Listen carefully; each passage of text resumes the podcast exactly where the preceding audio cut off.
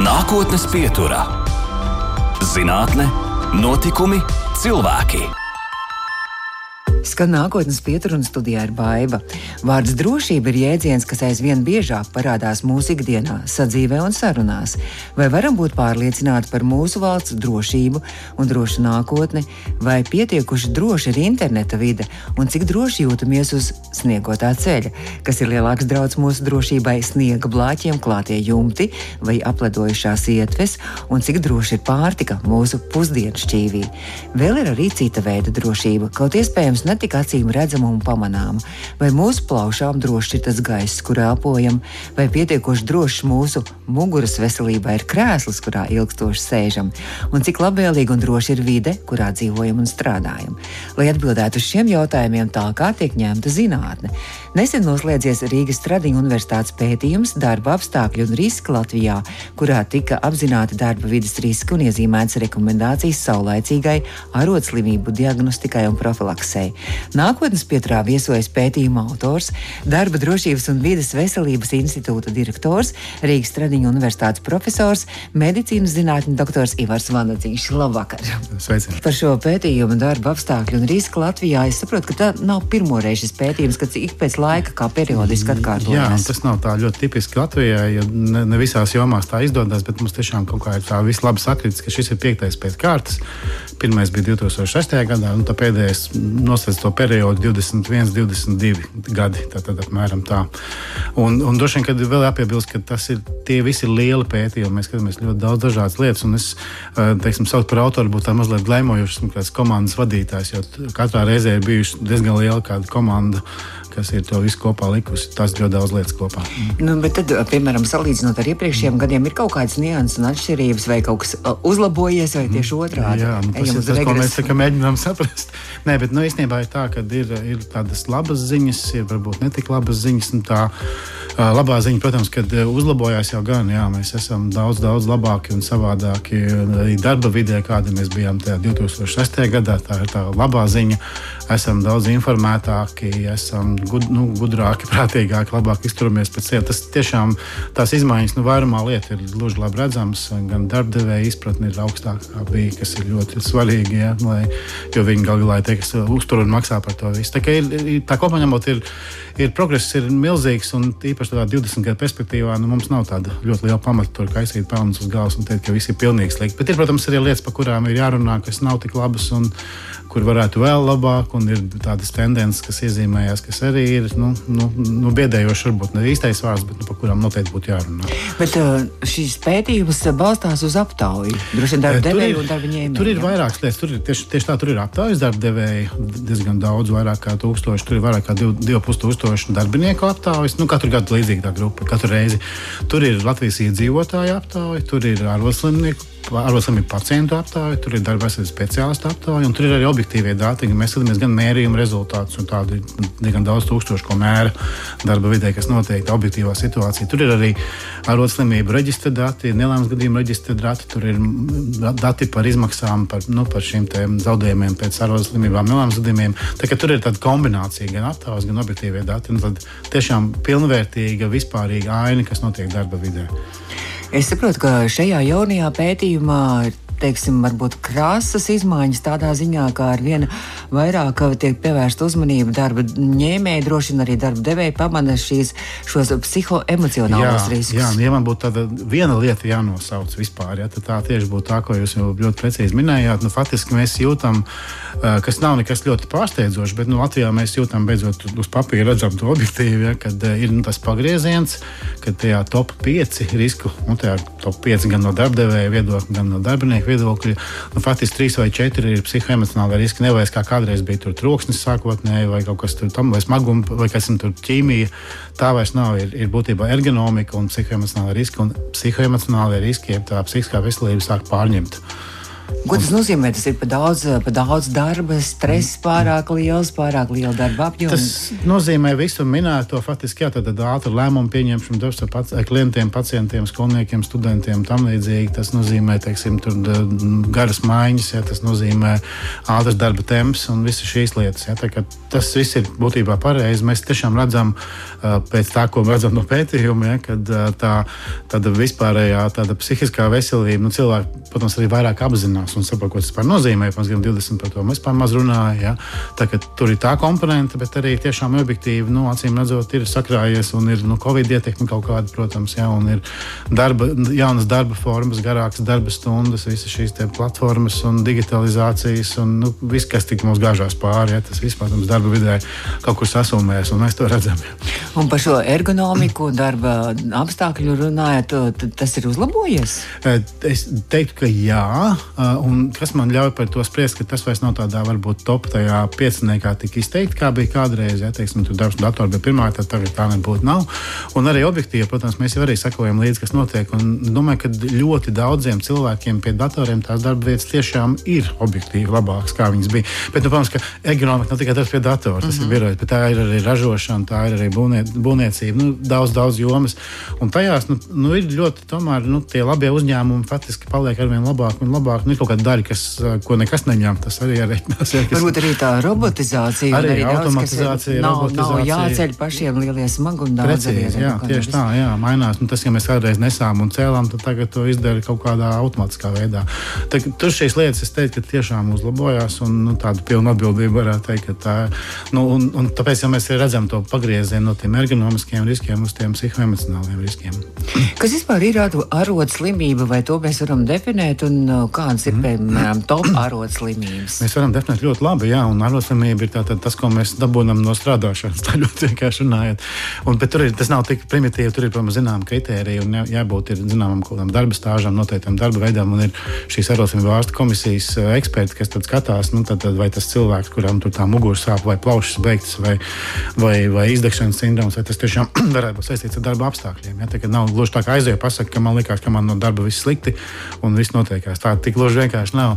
Bet ir, ir valstī kārtība, kur ir jau nu, plus, plus 20 gadus plus jau darbojās. Ja? Kā, es domāju, ka mūsu e, Latvija šajā ziņā ir tāds labs piemērs arī Eiropas līmenī, ka mums teiksim, tā diagnostika ir relatīvi labi sakārtota tieši par arotslimībām. Tad, e, ja mēs varam kaut kādas e, galvenās arotslimības arī minēt, kādas tās varētu būt? Jā, nu tad ir, tad ir joprojām ir, nu, pašlaik ir tāds īpatnējs brīdis. Tāpēc, eh, ja man prasa otru lietu, ko jāpasaka, tad otra lieta tā, ka mēs eh, faktiski redzam, ka sākās tas tā pārēja no, nu, pirms gadiem 15 bija kā, bija, bija padomju laikā bija raksturīgas tās, nu, tās putekļu metināšanas, trokšņa tās slimības, tad viņas pamazām gāja uz leju, un viņa, viņu vietu ieņēma tās ergonomikas sekas, nu, pārslodzes, teiksim, muguras sāpošas, karpālā kanāla sindroma un tam līdzīgi. Un pašlaik tādas, faktiski no visām anoslimībām 90% ir tās, nu, tās pārslodžu, ka kaut kas ir par daudz stāvēs, par daudz sēdās, par daudz nes un tam līdzīgi. Un, un tā bija desmit gadus, tā bija stabila augšupejoša tendence. Tad pašlaik mēs tajā pēdējā pētījumā sākam redzēt, ka pēdējos trijos gados ļoti strauji sāk augt to psihoemocionālo slimību. Tas eh, īpatsvars nu, tiešām ir pieaudzis nu, reizes 80. Nu, viņš joprojām ir tikai tie kaut kādi 80%, bet tā tendence ir augšupejoša. Un kopā ar to, ka cilvēki arī norāda, ka mums ir vairāk to psihoemocionālo risku, es domāju, ka ir diezgan droši. Vismaz mums tā liekas, kā pētniekiem, ka nu, vēl gadi 7, 8, 10 droši vien būs tādā līdzvērtīgā proporcijā. Kā ir virkne Eiropas valstu jau, kad ir gan tas, gan tas kopā. Bet kā to var vispār noteikt šo psihoemocionālo stāvokli arī? Jā, tas ir, liekas, tas, tas ir diezgan. Tas tā... ir uh, labs jautājums, un mēs tiešām esam gadus, varbūt 8, 10 pie tā arī strādājuši, lai arī pirmkārt ārstiem pašiem mm -hmm. nu, izstrādātu kaut kādas kritērijas, kad, kad ir un kad nav. Jo skaidrs, ka uz ielas pajautāsim, vai tu esi stresēts, cilvēks teiks, jā, protams. Ir īpaši pirms Ziemassvētku nāk, tur korķis, tu tilti vēl kaut kas, jā. Skaidrs, ka tik vienkārši tas nav, bet ir, protams, kritēriji un ir, tāpēc ir speciālisti un tā ir gal galā psihiatra diagnoze. Viņi tā nemētājās ar viņām, bet, ja, ja pat tad mēs redzam, ka viņu ir desmitos vairākos, ja, tad mums ir 70 un vairāk šādu gadījumu katru gadu jauni, kas ir tiešām diezgan daudz. Un tad jautājums, cik vēl ir tādi, kas netiek līdz tam ārstam, kas nereģistrē, ja, tas nu, aizbēg redzamā daļa. Tā kā es teiktu, ka mēs šo pārēju sākam redzēt, ja, un, bet, protams, joprojām tajā topā absolūtajā pēc skaitļiem, protams, ir sačakarēts atvainojot par žargonu rokas, karpāla kanāla sindromi, alkoņa nervi, tad, tad plecu bojājumi, sāpoši. Tas mugurs. no datora, jā?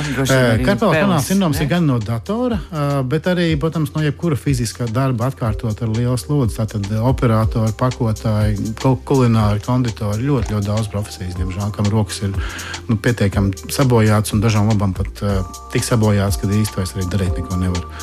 Runājot arī par nelaimes gadījumiem, arī darbvietās, to droši vien arī jūs ietverat savā Jā, to mēs, to mēs skatījāmies. Nu, tur ir faktiski tādas eh, labas ziņas, ka tas letālo, nu, to ļoti slikto iznākumu skaits, viņš tomēr par laimi stabili turpina samazināties. Nu, tur ir kā mazai valstī, katrs tur trīs uzreiz iedod mums kaut kādu pīķi, bet uz tiem nevajadzētu lūkoties. Tur tas kopējais skaits mazinās.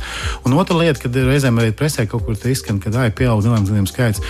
Es par to pat priecājos, jo pieaug reģistrēto nelaimes gadījumu skaits. Es, mēs viņus labāk redzam. Un mēs joprojām ļoti daudz slēpjam. Ja? Mēs joprojām esam, teiksim, es teiktu, ka mēs reģistrējam kaut kādus no 15, 20% maksimums pārējie tiek noslēgti. Tas ir ļoti slikti, jo tiem cilvēkiem, kuri noslēp, nu, viņiem patiesībā no valsts nekas, nekāda sociāla garantija nepienākās, un viņš paliek ar to savu bēdu viens, ja darba devējs viņu uzmet modernā valodā runājot, ja, tad viņš ar to savu bēdu arī paliek viens. Bet iespējams teicu, iemesls ir tas, ka nav noslēgts līgums. Protams, protams ka tur daļa ir, jā, daļa ir tā pelēkā un melnā ekonomika, un mēs nešaubīgi redzam, un tas ir aicinājums arī klausītājiem, mēs nešaubīgi redzam, ka tie uzņēmumi, kas nenoslēdz darba līgumu, tur viss ir sliktāk. Tā skaitā vairāk nelaimes gadījumu, tā skaitā vairāk risku, vairāk sūdzību. Tā kā tiešām aicinājums ir izvēlēties godīgus darba devējus, kur tas iespējams. Kādas ir tās uh, riskantākās varbūt, darba vietas, nu nesaucot konkrēti, bet nu, teiksim, Jā, no šis, nozars? Šis ir labs jautājums, ko uzdod. Un, nu, tad man jāsaka, tā pēc stipriem sanāk veselības aprūpe. Jā, jo, ne, bet, bet, bet tas ir joks, ne joks, bet tas ir saistīts ar to, ka, piemēram, nelaimes gadījumu veselības aprūpe ir vairāk būvniecībā, tāpēc viņš labāk reģistrē. Jā, bet, protams, ka objektīvi tās grūtākās ir nu, jebkura ražojoša, kokapstrāde, metāla apstrāde, būvniecība, transports. Man būtu tie pirmie četri, ko es lauksaimniecību, ko es sauktu. Bet nu, viņās ļoti spēcīgi atšķirās tas, cik reģistrē, cik godprātīgi darba devēja, kādas tās darba attiecības tur ir. Jo pašnodarbināti automātiski ir ārpus šīs, šīs sistēmas, kā piemēram lauksaimniecība vai, vai, vai, vai, vai vēl dažas nozares. Jā. Tā kā es teiktu, ka pēc cipariem sanāk neloģiski, jā, jo tur ir nu, veselības aprūpe, piemēram, vai, vai teiksim, tirzniecība vienkārši tur daudz labāk reģistrē. Ja, tur mm -hmm. ir mhm. kaut kā tas legālāk, un caurspīdīgāk un korektāk. Tā kā tā atbilde drusku sarežģītāk nekā vienkārši nosaukt. Un kurš varētu būt tās draudzīgākais, draudzīgākās veselībai, darbiniekam draudzīgākais darba vietas mm. nozars? Jā, nu tas ir arī labs jautājums. Un laikam jāsaka tā, ka nu, es teiktu, ka tas tomēr ir atkarīgs no darba devēja. Un ir mums daži tādi bīstamo nozaru uzņēmumi, es varbūt atļaušos vienu nosaukt. Tas ir tādas ļoti foršas kustības kā Misija Nulle iniciatori. Tad Misija Nulle apvieno uzņēmumus, kas rūpējas par darba vidi ar mērķi nulle negadījumu, nulle slimību. Un tas ir švenks, kas ir cementa ražotājs, kas ir ļoti bīstami ražot. Nu, viņiem faktiski ir ļoti, ļoti laba attieksme. Un, es teiktu, tas vairāk ir atkarīgs nevis no nozares, bet no darba devēja. Un ir darba devēji visādi topi, tā skaitā arī par darba vidi un par draudzīgumu pret darbinieku. Un dažs uz to būtu jālūkojas, nevis uz nozari. Mēs turpināsim mūsu sarunu vēl pēc brīža. Mūsu nākotnes pieturas viesis ir darba drošības un vidas veselības institūta direktors, Rīgas Tradiņu universitātes profesors, medicīnas zinātņu doktors Ivars Vanadzīšs. Nākotnes pieturā. Mēs turpinām nākotnes pieturu, un šo raidījumu pēc tam varat noklausīties arī mūsu mājaslapā, audio saitē un populārākajās arī podkāstu vietnēs. Nākotnes pieturas viesis šodien ir Darba drošības un vides veselības institūta direktors Rīgas Tradiņu universitātes profesors, medicīnas zinātņu doktors Ivars Vanadzīšs. Par pētījumiem mēs runājam par darba drošību. Es saprotu, ka uh, augustā sākās arī tāds plašs ilgtermiņa pētījums, kur arī uh, Baltijas reģionu valstis jūs mm. arī pētāt un salīdzināt šo darba apstākļus. Jā, nu mēs jau tiešām skatāmies arī visādas lietas tajā darba vidē un apkārtējā vidē. Un viena, nu, varbūt viena no tām pēdējā laika aktualitātēm tiešām ir uh, turpinot runāt par to pašu psihisko veselību, arī uz to lūkoties tādā reģiona kontekstā. Un šis ir viens no tiem saucamiem uh, Baltijas jūras interreģionu projektiem, kur ir vairākas valsts apvienojušās. Un, un mēs faktiski mēģinām saprast vairākas lietas, bet nu, primāri mēs mēģinām saprast, kas trūkst tādā. Nu, es, tas projekta virsmērķis ir panākt, lai uzņēmumi būtu noturīgāki pret pārmaiņām. Jo, tas, tā iniciatīva faktiski nāk no Covid laika, un tā, tā, nu, tas īsais skaidrojums ir tāds, ka, ja darba devēji nav zinoši un nav pieejami kaut kādi gatavi vienkārši ātri, lēti risinājumi kaut kādām dzīves situācijām, tā skaitā piemēram attālinātam darbam, stresam, milzīgam stresa līmeņiem un neziņai un, un reorganizācijām un visām tām krīzēm, tad faktiski ir slikti ekonomikai un slikti valstīm. Ja? Un, un viena tā, vien tā joma, kur ir Covid parādīja pandēmija, kad mums nav īpaši laba situācija visā reģionā, nu, protams, Zviedrijā ir labāk un, un Somijā kā mums, ir tā psihiskā veselība un faktiski arī darba devēja vispār izpratne par to, kas tas ir, kāpēc tas ir būtiski, ja, kāpēc ir jārunā par stresu un ka stress ir tāds pats riska faktors kā nezinu, ķieģelis uz galvas vai lausta kāja vai tam līdzīgi. Un projekts būtībā ir tiešām saprast, ar ko mēs atšķiramies, kas ir tās valsts stiprās vājās vietas, sauksim viņas tā. Un tad faktiski mēs arī pašlaik aktīvi, um, aktīvi darbojamies tajā jomā, tad saprast, kas mums trūkst līdz laimē pilnīgai šajā ziņā. Es skatījos, ka tajā projektā tikšot izstrādāt arī pirmās palīdzības aptieciņa. Jā, jā es visu laiku no šī jautājuma baidījos. jā, jā, nē, nu tā, tā ideja, jā, tā, tieši tā mēs viņu pašlaik saucam. Tur būs diskusijas, vai tas ir īstais nosaukums, bet ideja ir tāda, ka ir jau, ir jau tā problēma patiesībā ir drusku tāda savādāka, jo mums ir ārkārtīgi daudz dažādu informācijas materiālu arī latviešu valodā, arī tā skaitā par psihisko veselību darba vietās. Bet nu, nav jau tā, ka viņi nāk iet nāk pa ielu pretīm un izlaiž tad, kad vajag. Ja? Un, un tā ideja būtu, mēs mēģinām pašlaik saprast, kas ir tie normālie ikdienas jautājumi, ko cilvēki prasa vai uzdod nu, darba devējiem, vai, vai pašnāvājas speciālistam, vai darba speciālistam. Un, ko viņi vispār prasa? Kas ir tas jautājums, kas, tā, dara, nu, kas pašlaik nodarbina, nodarbinātos? Un uz to balstoties, un droši vien, ka tur būs arī valstu atšķirības, jo Igauni un Zviedri un Somija ir savādāk nekā mēs, es pieņemu. Tā kā būs nianses nacionālā līmenī, bet būtībā būs tāds komplekss, kad, ja mēs prasām šito, šādu jautājumu uzdot, dzirdam, ah. tad mums ir gatavs risinājums, ja, kur ir izlasām šito, izdarām šito, aizējām tur. Tas ir darba devējiem, tie aptiecīgām būs jau tāds zāles. Zāles, jā, katram jautājumam, teiksim, nu, es nezinu, cik jautājumu droši vien 20, 30 beigās, un tiem biežākajiem, ja tikai tie biežāk uzdotie jautājumi mājaslapās, ja tas ir kaut kas apmēram Aha. tajā virzienā. Bet runājot, jūs jau pieminējāt tos Covid sēklas, tās joprojām ir aktuālas. Vispār vispār jau ir gan, jā, un, un tādā ļoti faktiski, tāda, nu, tur ir ļoti daudz aspektu, un mums tas formāts laikam neļauj izvērsties, bet, bet ir, ir aktuāls, ir tas, kad ir palikuši tie trausmas līmeņi, miega traucējumi un tās sūdzības, un ir vēl pat ir lielāka tendence, jo mēs arī visā, visās, mums bija trīs viļņi tajā aptaujā, mēs visās reizēs jautājām, vai jūs gribat, ko jūs gribat tālāk, kā jūs gribat tālāk strādāt, un, un tā īsa atbilde tā, ka ne, varbūt, ja mēs nezinām pat tieši kā, ne tā kā bija, es tie cilvēki nav gatavi atgriezties tādā, nu, teikt, kas var tādā piecu dienu režīmā, birojā no līdz, bet cilvēki ir gatavāki un meklē kaut kādus hibrīdu risinājumus. Teiksim, divas dienas mājās, trīs birojā, nu vai otrādi. Restīvi, vispār darba vidi un veids, kā mēs strādājam, un laika, kad mēs strādājam, un iespēja savietot ar to mā, privāto dzīvi, tā ir ļoti fundamentāla izmaiņa, kas Latvijā pirms tam, nu, faktiski mēs par to daudz nerunājām. Tas Covid mūs ļoti ātri pagrūda. Un citur jau tas faktiski ir kaut kādā, nu, citās valstīs jau bija sācies, jo nu, tur ir dažādi attīstības stadijas un modeļi. Ja? Bet tās izmaiņas noteikti ir lielākas nekā mums liekas. Jā. Jo jūs bijat arī šajā valsts pētījuma programmā, jā, arī jūs jā, piedalījāties jā, arī pārmaiņas jā. darba tirgu mm -hmm. un nodarbinātības struktūrās jaunā loģika sociālo pakalpojumu sniegšanas. Jā, jā nē, tas bija ļoti strauji un projekts un dažādi vērtās, bet mēs to savu daļu man šķiet veicām ļoti godprātīgi, atkārtojām pēc tam vēl divas reizes, lai saprastu, kāda tā dinamika. Un mēs tiešām redzam, ka tas, uh, nu, kaut kā viens tās varbūt piemērs tikai par to, cik tas ir būtiski un cik reizēm maz vajag, ka mēs redzējām, ka, piemēram, ja darba devējs pajautāja, kā tie mājās iet, un vai viss ir labi, un vai te nevajag palīdzēt cilvēkiem, ir daudz mazāk sūdzību par miega traucējumiem vai trauksmi kur ir morāli tajā, ka reizēm tajā psihiskajā veselībā tur nevajag milzīgas investīcijas. Tur vajag izpratni un normāls, normālu attieksmi pret šīm lietām un, un saprast, kāpēc tas ir jādara. Un empātija. No empātija, jā, empātija varbūt ir tās ļoti labs apkopojošs vārds tam visam. Jā. Un tas nav naudas jautājums, ne? tas ir jautājums par attieksmi. Es nezinu, vai tajā pētījumā, tieši jūsu pētījumā arī, bet es atceros, ka toreiz arī tajā Covid laikā arī bija tāds pētījums par to, kā mēs mazgājam rokas. Mm. Tad, tas arī attiecās uz drošību un darba drošību, jā, jā, jā. ka tur bija, ka, ka, ka mēs nemaz īstenībā pareizi Mēs rokas. Nē, nē, tas bija paralēli. Jā, es arī tajā piedalījos, un tas bija eh, paralēli, bet tas bija cits. Bet jā, tiešām ir, eh, nu, mēs daudz lietas nedarām īsti pareizi. Tā skaitā roku mazgāšana. Un baidos, ka mēs atkal esam to jau paspējuši piemirst. Tad mēs varam mājās, atgādināt mūsu klausītājiem, kas ir jā, jādara. Tagad jā. atkal Covid atkal sākās. Atnākot Kas jādara? mājās, pirmā lieta - rokas. jā, jānomazgā. Bet, protams, arī skatāmies, varbūt tiešām tās Desmit sekundes ar ziepēm. Nē, tad ir īstenībā pareizi būtu vismaz 20, 25, lai tam tiem vīrusiem tie, tā, tie tauku metālīši paspēja izšķīst, jā, lai kas viņus aizsargā, viņi, lai viņi de dezaktivējās. Ar ziepēm 20, 25 25 sekundes, un pēc tam vēl zem ūdens kaut kādu pusi. Nē, tad mēs vienkārši Ah. noskalojam un nu, sa, sa, samitrinām, saziepējam kārtīgi visas nu, pirkstāpes un visu, visu, ko nu var saziepēt, un nu, kārtīgi noskalojam.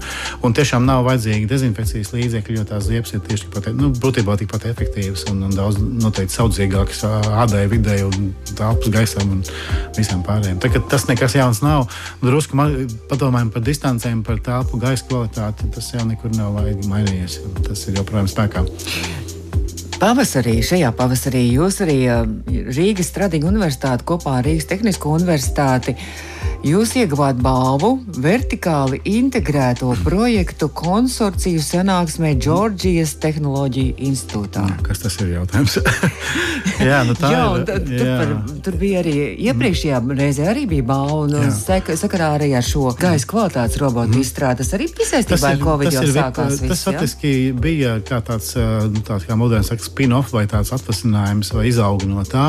Bet ja tiešām RTU ir par drusku, drusku lielāku pieredzi, bet mums arī nu, jau kādi 5 vai 6 gadu pieredze ir šie vertikāli integrētie projekti. Ko tas nozīmē? Jā, nu tas ir tāds atkal jautājums, ko eh, ļoti īsi atbildot. Nu, būtībā tā ideja ir faktiski ļoti vienkārša. Ir, eh, tātad mēs visi mēģinām pētniecībā iesaistīt visu līmeņu studentus no pašiem tādiem zaļākajiem, no otrā, trešā kursa. Un būtībā tas ir tad, tad vertikāla integrācija. nozīmē, ka viņus teiksim, pieskata nu, tā otrā kursa students, pieskata ceturtā kursa students, to pieskata sestā kursa students, to pieskata rezidents vai doktorants un to pieskata profesors. Es te tāda, tā ideja, ka studenti var tādā reālā praksē, reālā zin, mazā zinātniskā komandā nodarboties ar kaut kādām interesantām lietām. Vai tie būtu telpu dezinfekcijas roboti, vai mums ir ergonomikas virziens ļoti spēcīgs, vai tā iekštelpu gaisa kvalitātes un dažādas lietas. Tā kā Pašlaik, piemēram, no rītdienas zinu, ka vai parīt mums būs uh, 3D drukas, uh, nu, printeru mērījumu sērija. Mēs, nu, tā ir tāda arī ļoti moderna, nu, ne jau vairs ļoti moderna, bet jau daudz gadus pieejama, bet ļoti aktuāla lieta ar milzīgu ietekmi uz gaisa kvalitāti. Nu, tas ir šīs tie, tie jaunie digitālie 3D printeri, kas nu, vairs nav jauni, ja tas jau vismaz desmit gadu pagātne plus. Bet nu, mēs gribam atkal ar studentiem kopā viņiem, nu, viņi iziet to savu domāšanas procesu, ja, kā viņi uztaisa dizainu, ja, veids mērījumus, analizē rezultātus, un tad mēs skatāmies, kas tur no tā viss notiek. Tā kā ļoti interesanti ar studentiem strādāt. Protams, prasa lielu piepūli, jā, bet ļoti interesanti. Bet ir rezultāti. Redziet, studenti jūs- ir maleči, jā, jā, mums ir ļoti Jo es saprotu, ka Austrum Eiropā jūs vienīgie dabūjāt šo balvu. Uh, jā, Vai vispār Eiropā. jā, mēs arī vienīgie? dabūjām viņu, protams, par to, ka mēs tiešām arī ļoti daudz darām. Arī pašlaik ir tāda vairāk paralēla projekta, tās idejas un pieejas veidu tādā attīstībā un veicināšanā. Kā domāju, ka RTU ir, uh, ir vēl senāka pagātne, bet mums arī ir jau ļoti laba pieredze. Jā, pašlaik mums arī ir man šķiet piecas komandas uh, RSU strādā tieši pēc šīs pieejas. Tātad studentu integrēšana pētniecībā. Kas ir tas, nu, tas pareizais veids, kā to darīt? Darba drošības un vides veselības institūta direktors, medicīnas zinātņu doktors Ivars Vanadziņš šobrīd ir pie mums studijā. Nākotnes pieturā - zinātne, notikumi, cilvēki. Darba drošības un vides veselības institūta direktors Rīgas Tradiņu universitātes profesors, medicīnas zinātņu doktors Ivars Vanadziņš šobrīd ir mūsu studijā. Un uh, šis ir tas laiks, mēs par tiem Ziemassvētkiem runājam. Ir laiks arī, kad jauno gadu mēs gaidām un jau domājam, uh, ko dāvināt jaunajā gadā. Un vispār kalendārs jāpieliek pie sienas. Jā, vai tas ne? būtu laikam jāizdara. Jā. Nu, žēl, ka laikam šajā gadā mēs nevarēsim vienā mēnesī ar Vanadziņu kā galveno varoni redzēt, bet, bet jūs savulaik bijāt arī galvenais varonis vienā mēnesī kalendārā zinātnē. Es nezinu, uz kurā, bet Tas jau arī zinām, gadi jāapskatās jā. Tur visai interesants arī bija tas video, kur jūs stāstījāt arī par savu darbu. Un, un tur bija arī tas viens virziens, kurā jūs darbojaties, ka jūs pētāt šo gaisa kvalitāti, tos sīkās nanodaļiņas, putekļus. Jā, jā. Nu, gaisa kvalitāte vispār ir tāda lieta, par kuru mēs nu, nepietiekami daudz runājam. Es saku, ka Covid par laimi viņu arī izcēla priekšplānā, ka mēs par to sākam vairāk domāt. Un no tā paša Covid, piemēram, viens no Latvijas ieguvumiem ir beidzot tik noteikts iekštelpu gaisa kvalitātes normas CO2 līmenim, kas līdz tam nebija izdevies, ko nebija izdevies panākt. Restīvi, mums ir prasības par to, kādai jābūt ventilācijai, nu, cik jaudīgām jābūt tām ventilācijas sistēmām, nu, vismaz jaunajām ēkām. Tas ir liels panākums, bet tiešām gaisa kvalitāte ir milzīgi būtiska lieta. Un, un kaut vai tādam elementāram salīdzinājumam pagājušajā gadā uz ceļa bojā gāja 142 cilvēki. Man šķiet, tas ir precīzais skaitlis. Savukārt no sliktas gaisa kvalitātes, nu, tie Eiropas eksperti rēķina, ka mums katru gadu priekšlaicīgi mirst apmēram 1700 cilvēku. Par, ceļu, par CSM un par ceļu negadījumiem mēs, protams, runājam, un ļoti labi, runājam, un tur ir ļoti labi rezultāti. Par gaisa kvalitāti mēs runājam drusku mazāk vai stipri mazāk. Jā, līdz ar to tas ir mūsu pētniecības lauks arī Eiropā. Faktiski tas nav aizmirsts, jo tas tiek uzskatīts par tādu nu, lielāko vidas problēmu Eiropā, tieši gaisa piesārņojums. Tātad mm. gaisa kvalitāte un troksnis ir divi lielie vidas piesārņotāji Eiropā, kas joprojām ir milzīga problēma. Tā skaitā arī Latvijā, neraugoties uz to mūsu varbūt, nu, to, nu, to zaļumu un visu pārējo, ja mums tomēr ir uh, gan atsevišķas pilsētu daļas, uh, bet visvairāk mums, protams, ir iekštelpas ļoti, ļoti sliktā stāvoklī tieši par gaisa kvalitāti runājot. Tā kā mēs pētām nanodaļiņas, ja tās mm. super sīkos putekļus, kur ir unikāli ar to, ka viņi ļoti dziļi tajās plaušās spēj iekļūt, ja, un viņu tās īpašības ir nu, stipri atšķirīgas no, no, no, no tām vielām, no kā, šī, no kā šīs nanodaļas ir veidotas. Ja, viela pati var būt ļoti nekaitīga parastajā stāvoklī. Ja Arī kaut kāda aerosoli droši vien. Aerosoli ir brīnišķīgs piemērs nanodaļiņām, jā, jā, un daļa, liela daļa no viņiem ir faktiski cilvēka radīti mērķiecīgi veidoti, un par lielāko daļu joprojām nav īsti ideja, ko viņi mums nodara. Tad ir pamatots aizdoms, ka ne visi ir īpaši labi. Jo, teiksim, droši vien tur jau arī, kad mēs Covid no Covid vajadzēja aizsargāties. Mēs lietojam maskas un respiratorus, bet droši vien, ka tur ir tādas tās, tās tik sīkās nanodaļas. Tas ir pat vēl sīkākas, jā. jā teiksim, tas Covid, SARS-CoV-2 vīrus bija apmēram 120 nanometri. Tad mēs faktiski par nanodaļām runājam par to, kas ir mazāks par 100 nanometriem. Ļoti bieži ir 5, 10, 10 15 nanometri izmēri, kas tiešām iet cauri jebkam. Jā, līdz ar to tā bīstamība ir tās tradicionālās gaisa filtrēšanas metodas. Viņas tā, nu, tā, nu, tā īsti nepalīdz. Tur kaut kas ir tāds nopietnāks jādomā. Jā, Runājot par putekļiem un arī par tādu putekļaino vidi, tad eh, es nezinu, vai tā ir taisnība, bet es lasīju, ka cilvēks mūžā no plaušām izvada no 5 līdz 40 kg putekļu. Jā, tas ir gluži, gluži ticami, jo nu, tur jau tā var vienkārši reiķināt. Ja mēs teiksim, tajā mūsu vidē mēs to, to putekļu līmeni nosakām miligramos kubikmetrā, teiksim, nu, 10 mg kubikmetrā putekļu. Tad mēs jau, mēs jau gluži labi zinām, cik mēs dienā kubikmetrus izelpojam. Un tad lielākā daļa no tā, protams, paliek augšējos elpošanas ceļos, bet daļa nokļūst arī dziļāk, un tad mēs kaut kādu daļu absorbējam sevī, kaut kādu daļu slapojam ārā. Tā kā es, es nezinu par to aprēķinu konkrēti, bet es pieņemu, ka tas nav gluži neticams. Gluži reāls. Jā, 40 kg. Jā, jā, jā, jā, bet, bet jūs arī esat viena daļa no Eiropas biomonitoringa, kur jūs nosakāt arī kaitīgās jā, vielas. Tā ir varbūt tāda viena lieta, ko mēs tiešām pēdējos kādus 5, 6 gadus ļoti nopietni esam iesaistījušies. Arī pašlaik ir jauns tāds milzīgs biomonitoringa projekts un cerams būs arī valsts pētījuma projekts par biomonitoringu izveidu Latvijā. Jo tā mūsu Latvijas problēma ir tā, ka mums faktiski ir ļoti maz datu par daudz ko. Ja? Mums nav gandrīz datu par tām vidas un darba vidas ietekmēm, kas mūs mūsu ilgtermiņā ietekmē. Nu, teiksim, tie paši varbūt pesticīdi, kas ir ļoti tāda, nu, populāra lieta arī šajos radiogaitaņos, bieži pieminēta un studijās. Un mēs jau faktiski īsti nezinām, cik mums viņu daudz ir un kur ir un ko viņi ar mums īsti dara vai nedara. Ja? Un biomonitorings ir tieši par to, ka tā, tā, nu, tā ir pēc korektiem principiem, zināmām cilvēku skaitam, mēģināt saprast, kas ir viņu tajās asinīs, matos, nagos, urīnā, tātad nierēs un, un kas dalās ārā un kā tas ietekmē. Ja? Tā, tā ir ļoti laba iniciatīva. Pirmais lielais jau ir noslēdzies pirms gada, tas ir Eiropas biomonitoringa iniciatīva. Un pašlaik ir otrs tāds milzīgs septiņu gadu projekts par, par ķīmisko vielu tātad, risku pārvērtēšanu. Un, un ideja tiešām, tā doma tiešām ir tā, ka ir vielas, kas ir jaunas, ja liesmas lāpētāji vai tās endokrinās sistēmas jaucēja vielas, par kurām mēs arī runājam. Nu, bisfenols A kā viens piemērs, kas arī daudz pieminēts Latvijas radio. Bet ir arī vecās vērtības, kā svins, piemēram, vai kadmijs, ja, kas ir atkal mēs nu, ar jaunām metodēm varam pārvērtēt, vai tiešām viņš bija tik, vai viņš bija tik bīstams, vai viņš bija vēl bīstamāks. Ja, jo, piemēram, par to pašu svinu joprojām ir mm. nu, daudz, nu, daudz aizdomas apstiprinājušās, un es domāju, ka varbūt ir vēl sliktāk nekā mēs domājam.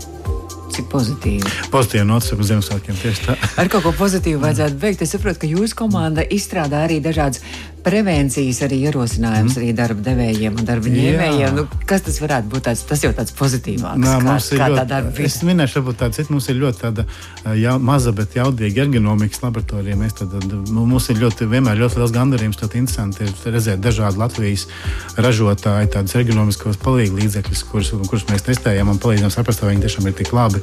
Un tur ir tik daudz foršu lietu, ko ir, teiksim, tur ir, mums ir viens pils ražotājs ar vienkārši lieliskākajām datorspēlēm pasaulē, kas ir nu, spē, spēļu industrijai un cilvēkiem ar īpašām vajadzībām, kustību traucējumiem. Vienkārši nu, pilnīgs kosmos būsim reāli. Un tad, tad ir tie tādi pozitīvie piemēri tajā mūsu darbā, ka nav tikai jābarās par nanodeļu ietekmi vai par svinu vai par kaut ko tādu, bet ir ļoti daudz foršas lietas, ko ražo un kuras mēs eh, varam eh, drusku palīdzēt eh, viņu tapšanā vai viņu uzlabošanā. Tas ir forši. Bet arī tādā kolektīva darba, kolektīva arī kolektīvas, protams, jā. jā arī jā. kaut kāds pasākums, sports, kad es lasīju, jūs arī ierosināt apmaksāt sporta klubu abonementus. Kaut kā šodien vienam bija seminārs par veselības veicināšanu darba vietās. Ja, tad, tad eh, diezgan daudziem cilvēkiem no konkrētiem uzņēmumiem pārunājām, ko vispār citi dara, ko var darīt, ko ir jēga darīt. Tā, to, tajā virzienā mēs aktīvi darbojamies. Mums ir faktiski katru gadu gan izpie simts dažādiem semināriem par to, kas eh, būtu, kas notiek darba vidē un ko var radīt labāk un savādāk. Un jūs klausāt darba devēju? Es domāju, ka uh, kopumā ņemot, es atgrieztos pie tā, ko mēs sākām, ka kopumā ņemot, jau situācija uzlabojās. Jā, es neesmu galīgs pesimists. Es arī citās valstīs redzu, ka faktiski nu, mums nav pamata visu laiku sevi teikt, ka kādi mēs slikti. Mm -hmm. Ir mums daudz labu lietu. Tuvojas Ziemassvētku jaunais gads. Jūs novēlējums mūsu klausītājiem un arī no drošības, varbūt arī viedokļu un aspektu, kā mūs eglīti atstāt vai neatstāt jā, bez uzraudzības eglīti, un sveces. eglīti neatstāt bez uzraudzības noteikti, sveces dedzināt esot tikai vienīgi klāt. Un pa svecēm vispār teikt, ka dedzinām, bet ar mēru, jo tās arī bojā gaisa kvalitāte iekštelpās. Bet kopumā ņemot, es taču novēlu nepārēsties, pietiekami izkustēties un neko nenodedzināt. Tas jau būtu pietiekoši. Tik vienkārši. Lielas paldies, ka jūs izbrīvējāt laiku atnākt pie mums uz Latvijas Rādio 2 nākotnes pieturu. Darba drošības un vides veselības institūta direktors Rīgas Stardiņa universitātes profesors, medicīnas zinātņu doktors Ivars Vanadzīņš nākotnes pieturs viesis. Paldies un skaists svētkus! Uz tikšanos! Izskan nākotnes pieturā.